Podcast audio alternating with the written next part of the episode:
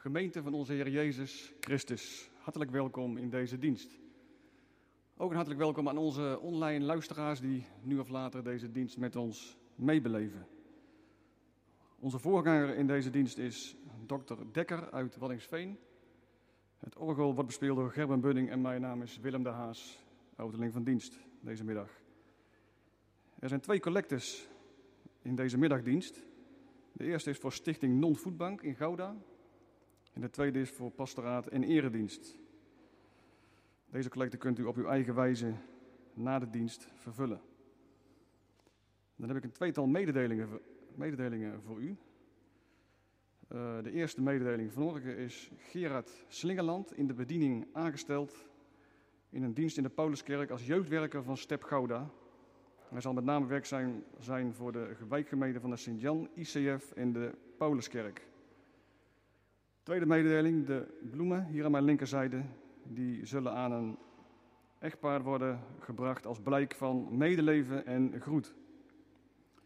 Dan vangen we deze dienst aan met het zingen van Psalm 84, vers 1. Hoe liefelijk, hoeveel heilgenot, o Heer der legerscharen God, zijn mij uw huis en tempelzangen. Wensen wij elkaar een door God gezegende dienst toe.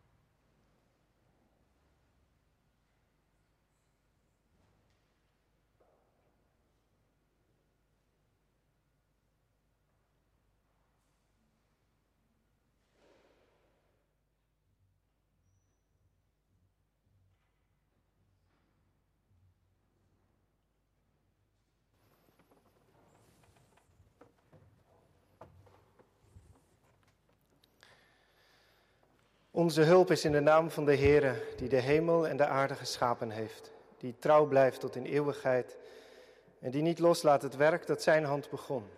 Amen. Genade zij u en vrede van God onze Vader, van Jezus Christus de Zoon en van de Heilige Geest. Amen.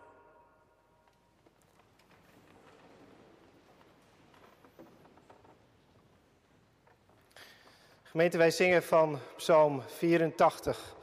Ook nog twee andere versen, Psalm 84, daarvan zingen we ook nog vers 2 over de mus en de zwaluw. En het laatste vers, vers 6, want God de Heer, zo goed, zo mild, is te allen tijd een zon en schild. Psalm 84, vers 2 en 6.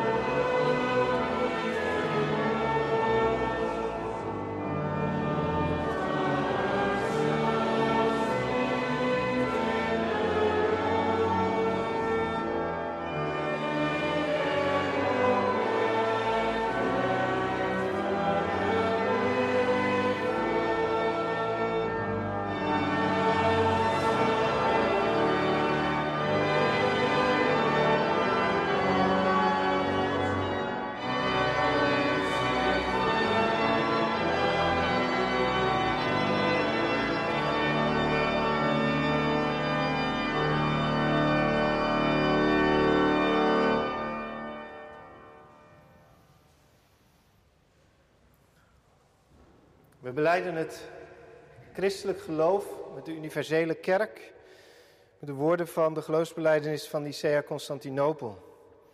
Let u op het woord rechterhand, dat daarin voorkomt. Dat woord komt ook voor in de psalm die we daarna gaan zingen, psalm 118, vers 7 en 8. De Heer is mij tot hulp en sterkte, Hij is mijn lied, mijn psalm, gezang. Daar zingt men blij met dankbare psalmen, Gods rechterhand doet grote kracht. Gods rechterhand is hoog verheven, des Heeren sterke rechterhand doet door haar daan de wereld beven, houdt door haar kracht Gods volk in stand. Psalm 118, vers 7 en 8. Wij geloven in één God, de Almachtige Vader, de Schepper van de hemel en de aarde, van alle zichtbare en onzichtbare dingen. En wij geloven in één Heere Jezus Christus de enige geboren Zoon van God, geboren uit de Vader voor alle eeuwen. God uit God, licht uit licht, waarachtig God uit waarachtig God. Geboren, niet gemaakt, van hetzelfde wezen met de Vader, door wie alle dingen gemaakt zijn. Die om ons mensen en om onze zaligheid is neergekomen uit de hemel, een vlees geworden van de Heilige Geest uit de Maagd Maria, en mens geworden is die voor ons gekruisigd is onder Pontius Pilatus, geleden heeft, begraven is, ten derde dagen opgestaan is naar de schriften, opgevaren ten hemel, en zit aan de rechterhand van de Vader. En zal wederkomen met heerlijkheid om te oordelen de levenden en de doden. En zijn rijk zal geen einde hebben. En wij geloven in de Heilige Geest, die Heere is en levend maakt, die uitgaat van de Vader en de Zoon, die samen met de Vader en de Zoon aanbeden en verheerlijkt wordt, en die gesproken heeft door de profeten. En wij geloven in één heilige, katholieke en apostolische kerk. Wij beleiden één doop tot vergeving der zonden.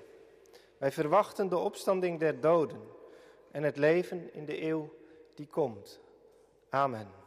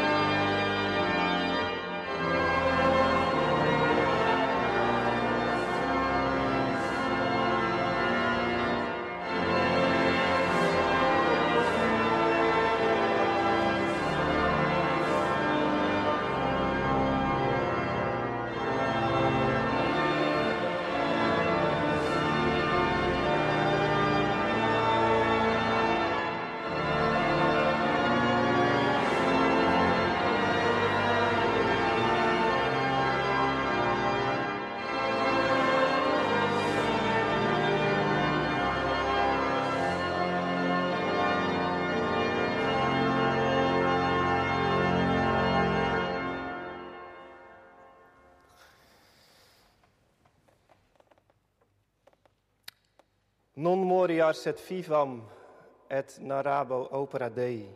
Ik zal niet sterven, maar leven en de daden des Heren verkondigen.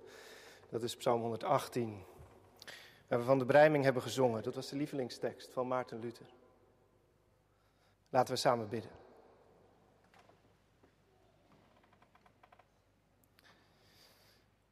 Heer onze God, wij zeggen u dank dat we in de ruimte van uw huis bijeen mogen zijn. Wij hier en verbonden met allerlei andere mensen nog die thuis dit meebeleven. Wij danken u dat we niet zullen sterven, maar leven. Ik, ik zal niet sterven, maar ik zal leven. De daden van de Heer verkondigen. Want Gods rechterhand doet grote dingen. En hij tilt mij op hoe diep de kuil ook geworden is. Wij danken u voor dat geloof dat Israël gedragen heeft. En dat de eeuwen door uw kerk gedragen heeft en waar wij in mogen staan. Waar wij op onze manier aan mogen deel hebben. Door te zeggen, ik geloof dat ook. Dat wij dat mogen verkondigen op onze wijze. Ik zal de daden van de Heer verkondigen in woorden en in daden, zijn we geroepen dat te doen. En uw genade geeft dat we het ook doen. En dat onze voeten willen gaan op uw weg, dat onze handen uw, da, uw geboden willen doen. Dat onze stem u wil prijzen zoals we hebben gedaan met de psalmen. We danken u dat uw genade sterk is en groot en machtig. En dat uw Heilige Geest werkt in onze wereld en in de kerk. Zelfs in de kerk. Zelfs in de kerk.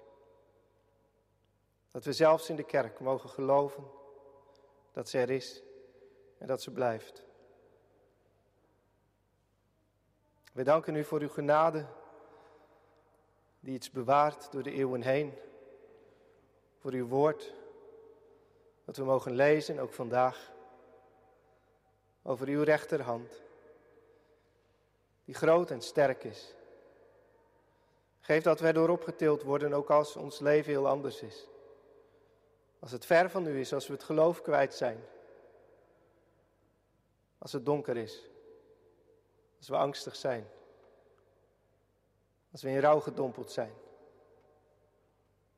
Als we de uitgang niet meer kunnen vinden. Maar geef het ons ook als we sterk zijn. Vitaal. Moedig. En daardoor alweer snel hoogmoedig. We vallen aan de ene kant of we vallen aan de andere kant. Maar we vallen zo snel. Als uw rechterhand er niet was. Til ons op. Laat ons leven. In Jezus' naam. Amen.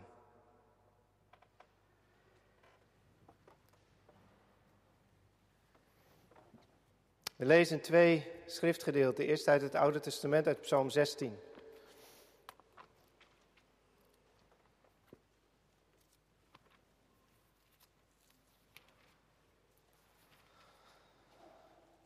Psalm 16.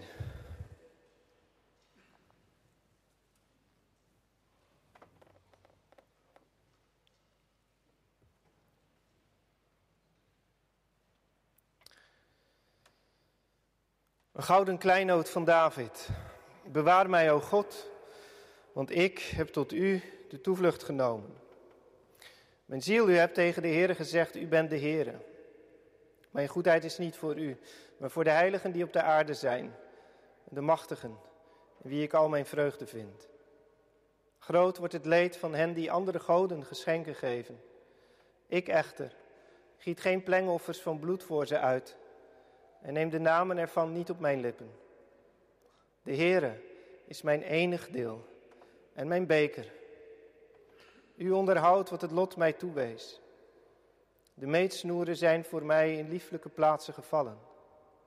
Ja, een prachtig erfelijk bezit heb ik gekregen. Ik loof de Heere, die mij raad heeft gegeven. Zelfs nachts onderwijzen mij mijn nieren. Ik stel mij de Heere voortdurend voor ogen. Omdat Hij aan mijn rechterhand is, wankel ik niet. Daarom is mijn hart verblijd en mijn eer verheugt zich. Ook zal mijn lichaam veilig wonen. Want u zult mijn ziel in het graf niet verlaten. U laat niet toe dat uw heilige ontbinding ziet. U maakt mij het pad en leven bekend. Overvloed van blijdschap is bij uw aangezicht. Lieflijkheden zijn in uw rechterhand, voor altijd.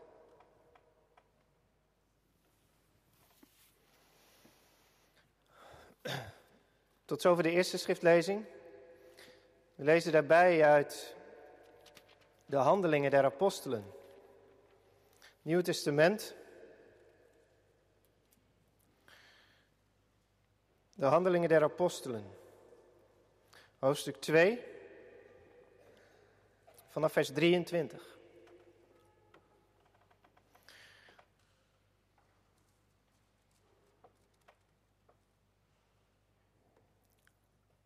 Handelingen 2 uit de toespraak van Petrus, vers 23. Deze Jezus, zegt Petrus, die overeenkomstig het vastgestelde raadsbesluit in de voorkennis van God overgegeven is, hebt u gevangen genomen en door de handen van onrechtvaardig aan het kruis gespijkerd en gedood.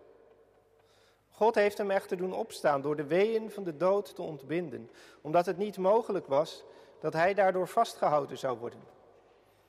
Want David zegt over hem, en dan komt Psalm 16, ik zag de Heere altijd voor mij, want hij is aan mijn rechterhand, opdat ik niet zou wankelen.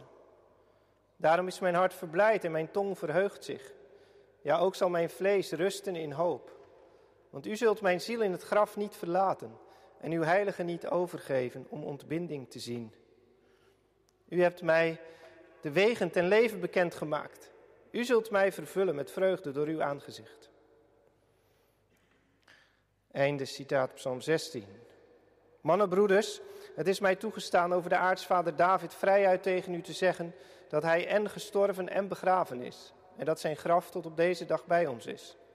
Aangezien hij een profeet was en wist dat God hem met een eed gezworen had dat hij uit de vrucht van zijn lichaam, voor zover het zijn vlees betrof, de Christus zou doen opstaan om hem op zijn troon te zetten, daarom voorzag hij dit.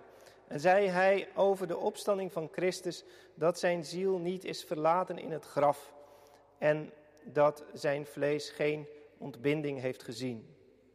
Deze Jezus heeft God doen opstaan, waarvan wij allen getuigen zijn. Hij dan, die door de rechterhand van God verhoogd is, de belofte van de Heilige Geest ontvangen heeft van de Vader, heeft dit uitgestort wat u nu ziet en hoort. Tot zover de schriftlezingen. Zalig zijn we als we het woord van God horen en in ons hart bewaren. Amen. We gaan zingen van deze psalm, psalm 16, het derde en vijfde vers. Psalm 16, vers 3 en 5.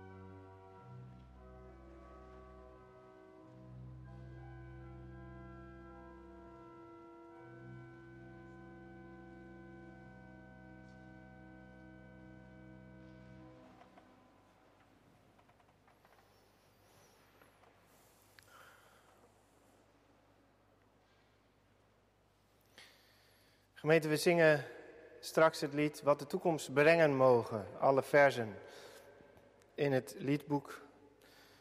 Het oude liedboek van 1973 is dat nummer 293. Wat de toekomst brengen mogen, mij geleid des Heeren hand. De tekst voor de verkondiging is vanmiddag het laatste vers van Psalm 16. Psalm 16, vers 11. U maakt mij het pad en leven bekend. Overvloed van blijdschap is bij uw aangezicht. Lieflijkheden zijn in uw rechterhand voor altijd.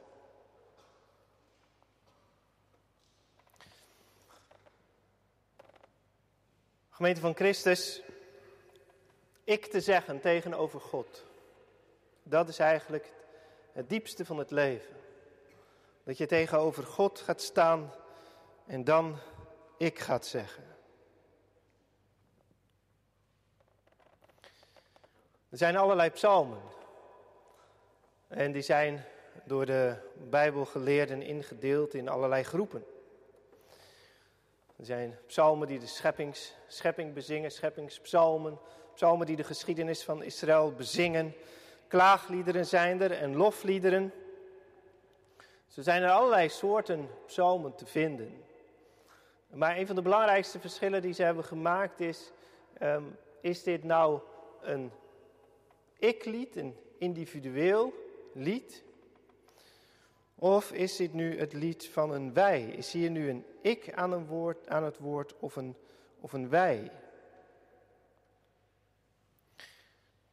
Natuurlijk zijn die ik-liederen zijn in zekere zin ook weer wij-liederen geworden, want ze zijn opgenomen uh, in de liturgie van Israël vanaf het begin in de tempel en tot nu toe. Wij zingen ze samen.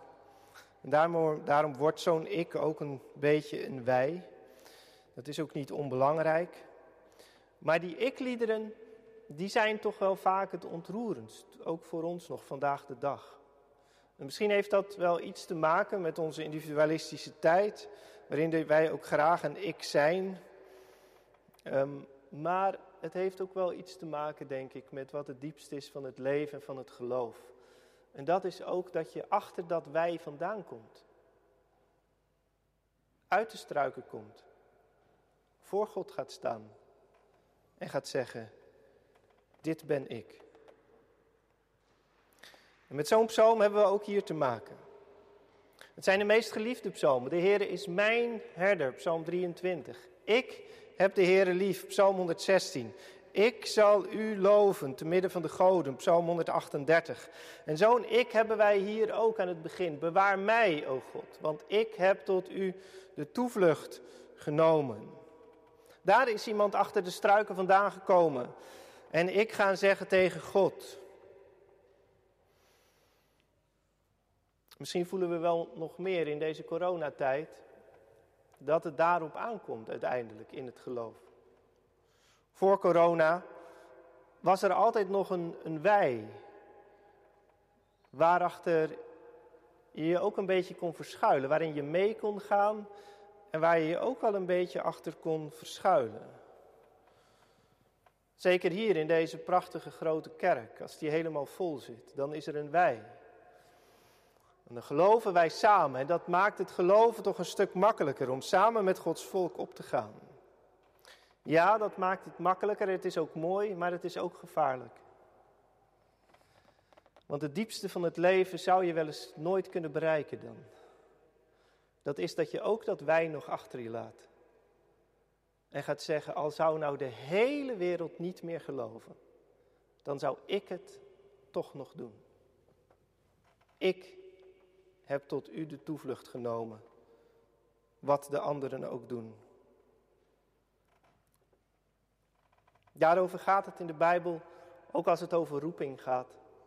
Als God Abraham roept, Abraham, Abraham, jou bedoel ik. Ik wil jouw antwoord. Samuel, Samuel, jouw naam bedoel ik. Ik wil jouw antwoord. Vanmorgen deden eindelijk uitgesteld in verband met coronatijd bij ons in Waddingsveen, jonge mensen, weer beleidenis van het geloof. Dat is ook zo'n moment dat je naar voren treedt en ik leert zeggen. Ik heb u lief.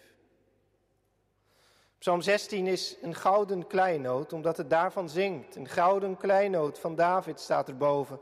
Een kleinoot is iets, iets kleins, wat je op zichzelf zo over het hoofd zou kunnen zien, een ring of een kettingje. Maar het is kostbaar omdat het je ergens aan doet herinneren, omdat je het van iemand gekregen hebt. Een gouden kleinoot is dit, omdat het gaat over het hoogste en het mooiste dat je kan gebeuren. Dat je weet dat je zelf een kind van God bent en dat dat nooit meer overgaat. Daarover gaat het in deze psalm. Geschreven na de ontdekking van David dat hij een kind van God is en dat dat nooit meer overgaat. Dat hij hem heeft leren kennen als de laatste en diepste bron van vreugde in zijn leven. Overvloed van vreugde is bij uw aangezicht. Dat is wat deftig gezegd, maar wij zouden zeggen bij jou, bij u. Bij u is dat. Dat is een kenmerk van de liefde. Hoe merk je dat je van iemand houdt? Nou, dat is niet zo moeilijk.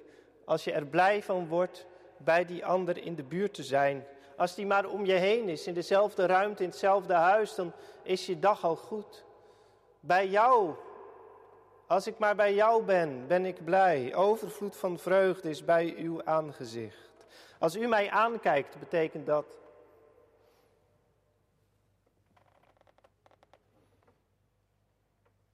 Die ervaring is ook de ervaring van het geloof. David zegt in Psalm 16: Overvloed van vreugde is bij uw aangezicht. Als ik bij u ben, heren, dan word ik intens blij. Hoe het verder ook met mijn leven is. In uw nabijheid ontstaat een vreugde die niet kan worden weggenomen. En dan ontstaat ook een zekere intimiteit van omgaan. Van, van gewoon helemaal naakt uit de struiken tevoorschijn durven komen. En dat die verhouding van ik tot gij gaan beleven. Ik las pas het zeer ontroerende en diepzinnige dagboek van Etty Hillesum. Een Joodse vrouw die um, in Amsterdam woonde toen het oorlog werd. Die, toen was ze in de twintig. Die zich uiteindelijk vrijwillig naar Westerbork heeft laten voeren en daarna naar Auschwitz en daar is omgekomen. Ze hield een dagboek bij. Ze groeide op eigenlijk in een seculiere Joodse familie. Haar ouders hadden in de jaren dertig zich al bewust laten uitschrijven uit de synagoge. Ze groeide dus eigenlijk ja, wel op in bewustzijn van het Joodse traditie, maar niet van het Joodse geloof. Maar gaandeweg, door de ontmoeting met een psychiater, leert zij God weer kennen. En dan, dan, gaat, dan gaat ze ook bidden.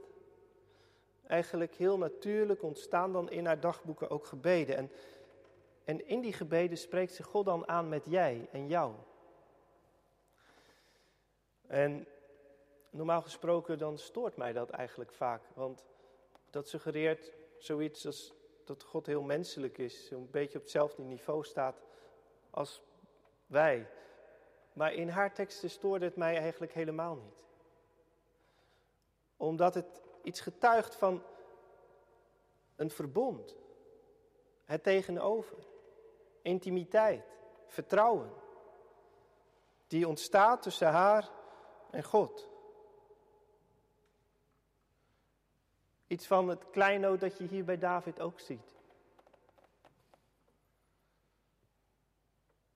De vreugde van het dicht bij hem mogen zijn. Waarom is dat dan bij David zo? Nou, hij zegt, u maakt mij het pad en leven bekend. U, Heere God, maakt mij bekend wat de weg is waarop ik werkelijk leven vind. De weg die niet alleen uitloopt op het leven, maar die daarom ook nu al de weg van het leven is. Het pad en leven. We hebben bij, eh, in handelingen gezien dat door Petrus die weg ten leven dan wel heel erg verbonden wordt met het eeuwige leven. Men heeft dit gezien als een profetie van Christus. David die heeft het geschreven na een periode waarschijnlijk waarin hij erg ziek is geweest. Dat kun je ook opmaken uit deze psalm, uit het midden van de psalm. Want dan is hij uitgered en toen heeft hij weer nieuw leven gevonden. En dan krijgt hij ook vertrouwen. Uh, u laat mij niet in het graf ten onder gaan, maar u laat mij leven. Meest waarschijnlijk is dat David daarmee wel gewoon bedoelde. Nou, ik heb weer nieuwe kracht ontvangen daar deze tijd. Ik mag weer een nieuwe periode verder. Zodat je dat kunt hebben na een ernstige uitval, een burn-out, een ziekenhuisopname, een depressie. Ik mag weer leven. David heeft dat waarschijnlijk niet zoveel bij aan het eeuwige leven gedacht, want in het Oude Testament hangt nog een grote duisternis over dat geloof in het eeuwige leven. Dat komt pas echt tot bloei eigenlijk als het ontstaat in de Heer Jezus. Als er iemand doorbreekt naar het eeuwige leven, dan pas kunnen we ook geloven in het eeuwige leven. Zonder de opstanding van Christus hadden we eigenlijk geen reden om in het eeuwige leven te geloven. En daarom is het ook pas daarna echt tot bloei gekomen. Maar dat wil natuurlijk niet zeggen dat het Nieuwe Testament het niet zo mag lezen. Bij uw aangezicht is vreugde, bij uw aangezicht is leven. Als je dat ontdekt hebt in een eigen verhouding tot God, waarin je ik bent gaan zeggen, dan kun je eigenlijk ook niet meer geloven dat dat stuk gaat. Want in die verhouding van ik tot gij word je verbonden met Hem die zelf eeuwig is. En hoe zou die verbondenheid dan ooit weer kunnen stuk gaan? U maakt mij de pad, het weg ten leven bekend. Dat, dat mogen we dus best doortrekken inderdaad naar het eeuwige leven. Maar het betekent ook het leven nu. Nu. De weg van hier op aarde die echt het verdient om leven genoemd te worden. Leven dat meer is dan halen, dan trekken, dan zuigen. Wat het voor veel mensen om ons heen en ook voor ons vaak is. Halen, trekken en zuigen. Leegzuigen, de ander, de wereld, het leven en dan toch nog leeg blijven. Zo leven de dieren ook. Maar mens zijn, echt leven, is iets hogers, iets diepers. Je gaat verhouden tot Hem die eeuwig is. Dan ontstaat pas werkelijk leven. Het echte leven is dat je God mag kennen dat je in zo'n verhouding tot God bent getreden, uit de massa van de mensen. Ook al doet er verder niemand mee. Dat is eeuwig leven, zegt Jezus. Dat wij God kennen. Niet dat wij Hem zullen kennen. Niet dat we met Hem zullen leven. Maar dat wij Hem nu kennen. Dat is eeuwig leven. Eeuwig leven. Ook al ben je sterfelijk. Door Jezus Christus die door God gezonden is.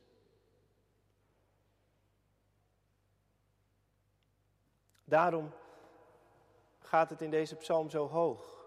Wordt het zo extatisch? Eeuwig leven midden in de tijd. Dat laat zich alleen in extatische taal bezingen.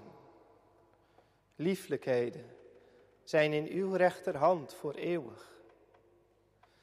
Je leven wordt dan een weg waarop God je tegemoet komt. Met in zijn rechterhand lieflijkheden. Een woord dat maar weinig voorkomt in de hele Bijbel. Ook in de psalmen. Maar dat iets, iets innigs heeft.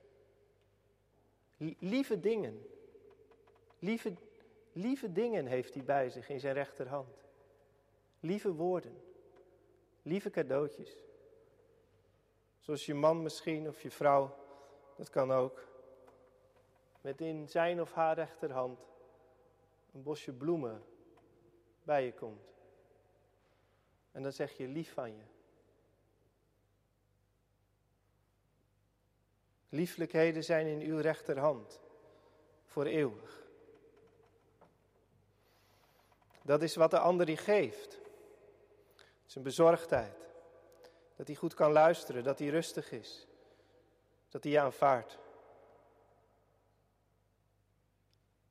Lieflijkheden zijn in uw rechterhand.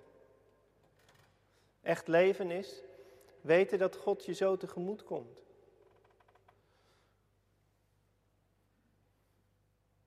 Dat van die rechterhand, dat vinden we hier niet voor niets. In de Bijbel vaak wordt gesproken over Gods rechterhand. We hebben het gezongen met Psalm 118. Uw rechterhand doet grote dingen. Uw rechterhand doet grote kracht.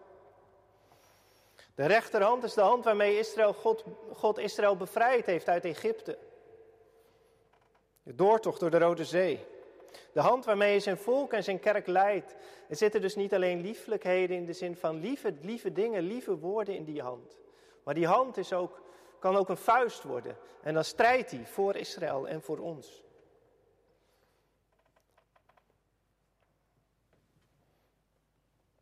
In Handelingen 2 hebben we gelezen dat dat ook terugkomt. Petrus citeert niet alleen Psalm 16 met die rechterhand, maar gaat dan ook verder met die rechterhand en zegt dat, die rechterhand, die heeft God opnieuw gebruikt toen die Jezus opwekte uit de dood. We hebben daar ook nog restanten van in onze cultuur. Dat je rechterhand iets bijzonders is. Als je met elkaar trouwt, dan vraagt de burgemeester of de dominee: geef elkaar dan nu de rechterhand. Dan wordt het huwelijk gesloten. Niet de linker. Als je elkaar de linkerhand geeft, dan telt het niet. Dan is het mis. De ring doen we ook aan onze rechterhand. Dan ben je getrouwd. Zo merken wij zelfs nog in onze cultuur, dat is iets bijzonders. Zo is het in de Bijbel ook. De rechterhand is de hand waarmee God werkt. En daarom beleiden wij van Jezus ook, en we hebben het ook vandaag beleden. Opgevaren ten hemel, zittende aan de rechterhand van God. Dat betekent niet dat er twee poppetjes in de hemel zitten. En de een zit rechts van de ander. God heeft geen lichaam.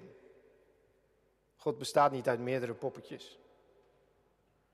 We hadden een kinderachtige voorstelling van de drie-eenheid.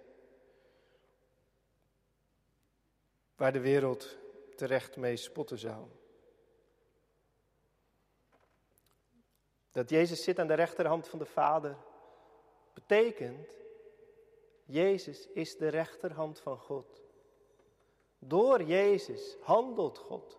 Redt Hij, bevrijdt Hij, komt Hij met lieve woorden en dingen naar ons toe. In Christus komt Hij met lieflijkheden naar ons toe. Christus is de rechterhand van God, zoals je dat ook kunt zeggen in onze taal nog steeds. Jij bent mijn rechterhand. Dan bedoelen we, met jou kan ik werken. Met jou kan ik vooruit. Dat spreken over Gods rechterhand roept natuurlijk ook nog wel een andere vraag op. Namelijk de vraag of er ook een linkerhand van God is.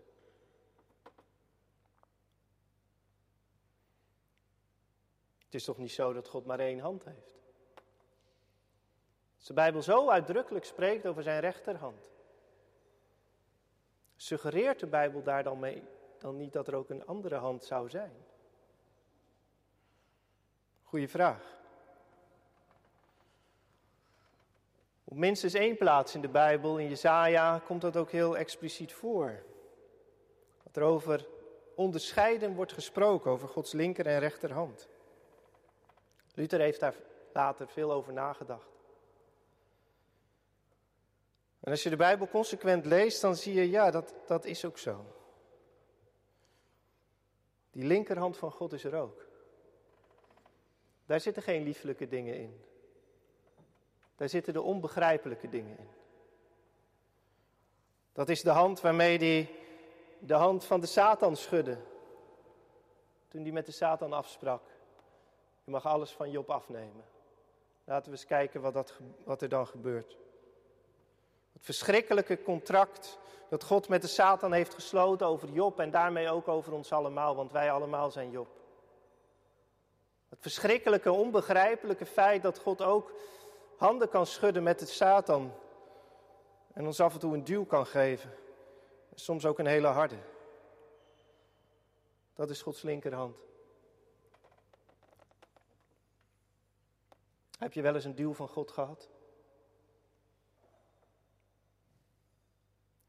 Misschien krijgen we allemaal wel een duw, hè? Nu in deze coronatijd. Misschien betekent God corona wel dat, dat God de kerk een duw geeft. Kijk hoeveel ze aan kan. Dat is Gods onbegrijpelijke linkerhand. We moeten blijven geloven dat God goed is. Maar dat zie je aan die dingen niet. En daarom zingen we er ook niet van. Daarom zingt David er ook niet van. Gods linkerhand is er wel, maar je kunt er niet van zingen. En als die er alleen was, dan kon je ook niet geloven. Luther zegt ergens, als ik alleen bij die ervaringen te raden moest gaan, dan zou ik zeggen, ofwel God bestaat niet, ofwel God is de duivel. Alleen dankzij de ervaringen van Gods rechterhand kan ik geloven, kan ik Hem prijzen. En geloven is dan als het ware ook altijd tegen God ingeloven. Met zijn rechterhand ingeloven tegen zijn linkerhand in. Dat is ingewikkeld. Maar dat is het wel. Dat is het echte geloof. Met Gods rechterhand geloven tegen zijn linkerhand in. En geloven dat God dat onbegrijpelijk van die ene hand tegen die andere heeft opgelost. Zelf heeft opgelost. In de opstanding van Christus uit de dood.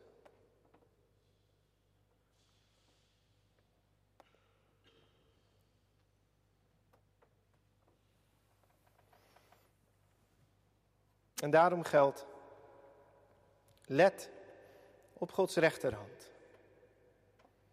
Ook en juist als je weet van de nood van het leven en van de verborgenheid van God en dat van de God die je wel eens een duw geeft. Let op Gods rechterhand. Want die is vol lieflijkheden, voor eeuwig. Voor eeuwig, zegt David erachteraan. Dat kun je van die linkerhand nooit zeggen. Wat God met zijn linkerhand doet, dat is nooit voor eeuwig. Dat is altijd voor een moment. Maar wat hij met zijn rechterhand doet in Christus, dat is voor eeuwig. Geloven is je oefenen om daar steeds weer naartoe te gaan en daarvan te zingen, ook in deze tijd. De Heere is mijn erfdeel en mijn beker, zegt David. Dat wil zeggen, in, in die rechterhand geloof ik toch dat ik het wezenlijke van Hem heb ontvangen. De Heere is mijn erfdeel en mijn beker. Als David dat zegt, dan herinnert hij aan wat er gebeurd is toen Israël eh, binnenkwam in het beloofde land. Toen Israël uit Egypte was bevrijd door de woestijn en het beloofde land binnen was gekomen en alles was ingenomen door Jozua en de zijnen, toen moest het land verdeeld worden. En toen werd elke stam kreeg een deel van het land, een afgemeten deel, een erfdeel. Maar één stam kreeg het niet. En dat was de stam Levi, de Levieten. De mensen die, die dienst deden in de tempel, die kregen geen stuk, geen erfdeel van Israël. Want, staat er dan, de Heere zelf is hun erfdeel. Dat wil zeggen, zij krijgen niet iets van God, een stuk land. Zij krijgen Hemzelf. Dat is wat je ontdekt als je een ik wordt tegenover God. Zolang je dat nog niet geworden bent, denk je dat God iemand is die dingen geeft. En soms geeft hij die dingen dan niet en dat is dan heel vervelend. Maar in een verhouding van ik tot gij geeft God niet meer iets, maar geeft hij zichzelf. De Heere zelf is mijn erfdeel en mijn beker. U onderhoudt wat het lot mij toewees. Het is heel mooi dat in de oude psalmberijming God af en toe geïdentificeerd wordt met het lot. Er zijn een heel aantal plaatsen, je moet het maar eens opzoeken, in de oude psalmberijming, dan wordt God geïdentificeerd met het lot. God en lot zijn hetzelfde. Heel bekend is bijvoorbeeld het vers, want deze God is onze God. Hij is ons deel, ons zalig lot, door tijd nog eeuwigheid te scheiden. Dus God zelf is ons deel, ons zalig lot. God zelf is ons lot. Er zijn mensen die zeggen dat je dat juist heel scherp moet onderscheiden. God heeft niets te maken met het lot. Maar de psalmberijming weet het beter. God zelf is ons zalig lot. Dat betekent, Hij valt je toe. Hij valt je toe. Hij overkomt je. Dat is kerst.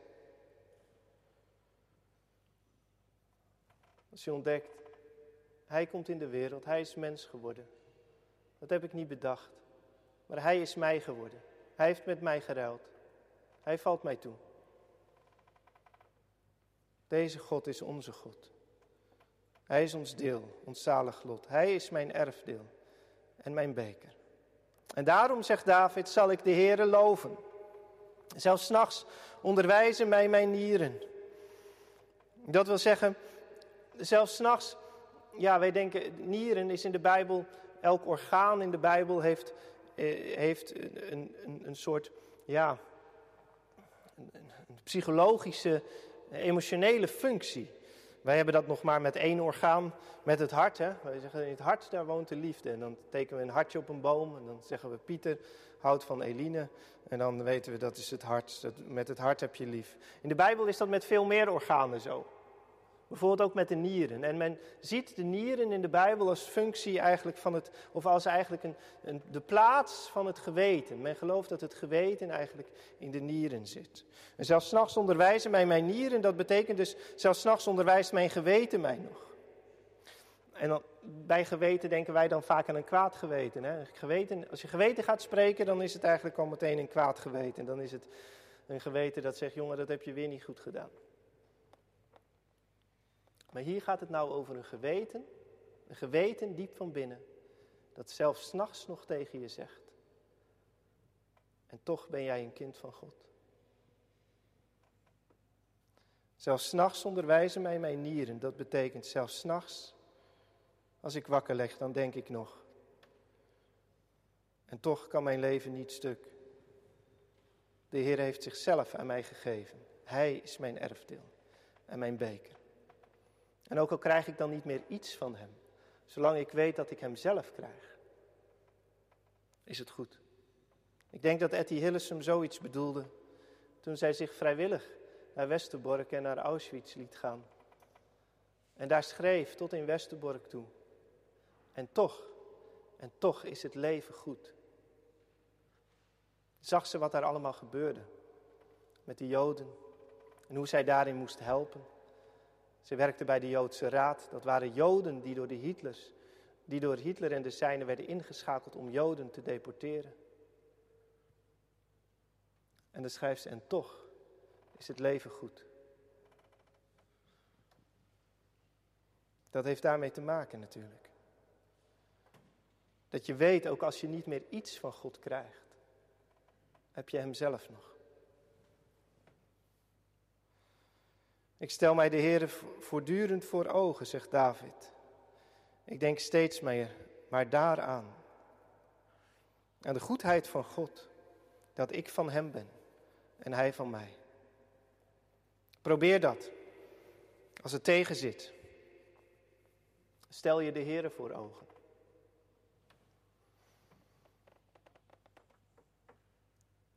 Ook in onze tijd hebben wij dat nodig. Niet allerlei gefilosofeer en allerlei slimmigheden over hoe het misschien verder moet met de gemeente of misschien niet.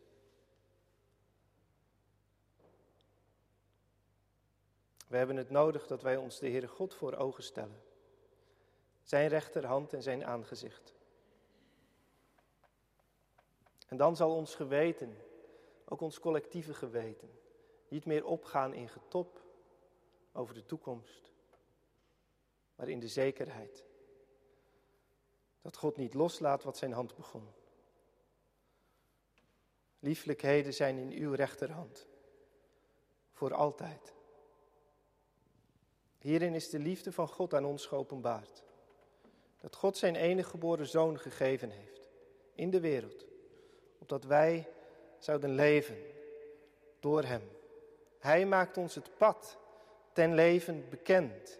Overvloed van vreugde is bij zijn aangezicht en lieflijkheden zijn in zijn rechterhand voor altijd. Amen.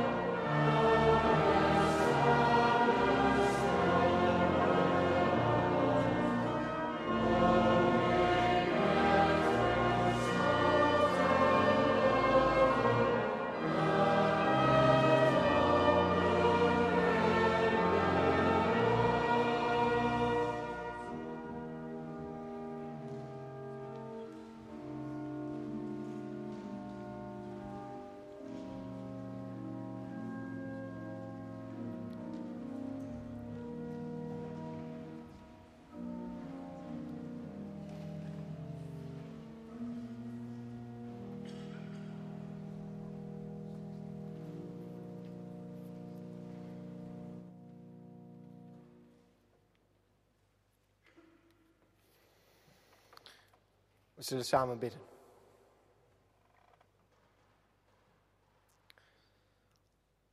Heer onze God, wij bidden nu voor elkaar. Als we erkennen dat het inderdaad wel lastig is. Als er geen groot wij meer is waar we mee op kunnen gaan.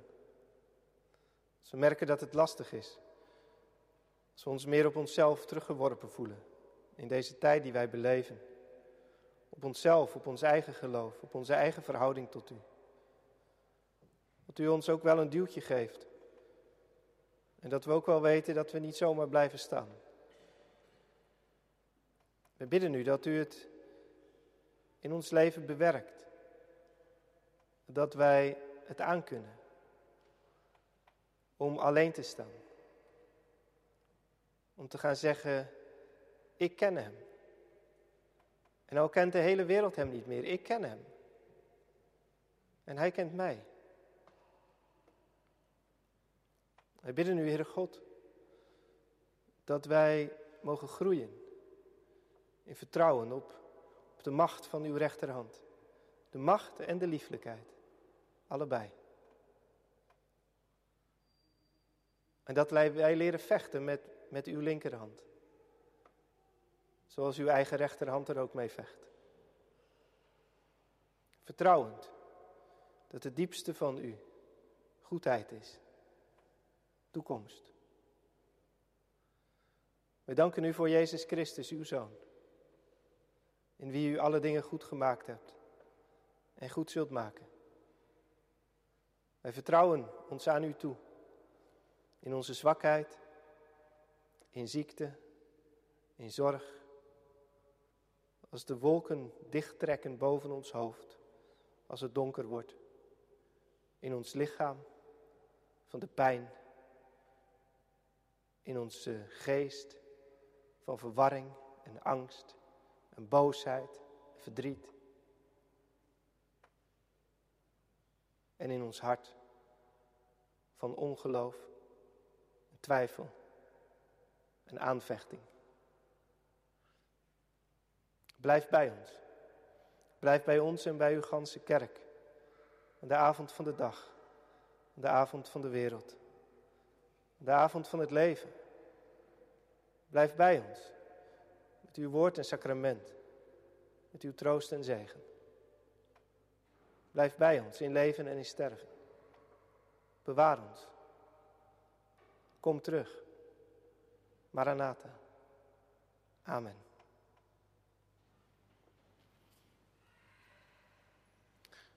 We zingen tenslotte lied 399 in het oude liedboek is het gezang 399 vers 6. Het is het lied Wij loven u, o God, beleiden u als Heer. En we zingen daarvan het zesde vers. Wij zegenen, o Heer, uw goedheid al de dag. Geef dat eeuw uit, eeuw in, ons lied u loven mag.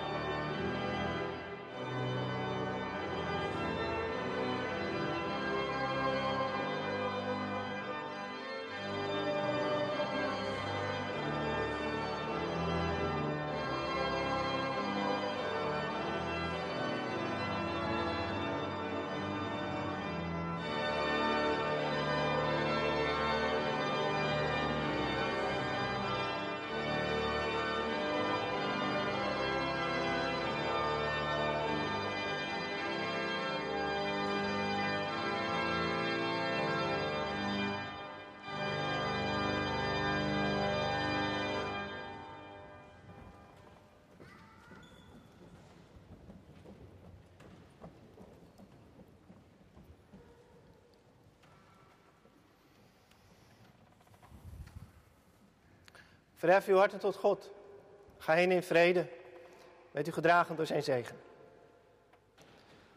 De genade van onze Heer Jezus Christus, de liefde van God en de gemeenschap van de Heilige Geest, zij en blijven met u allen. Amen.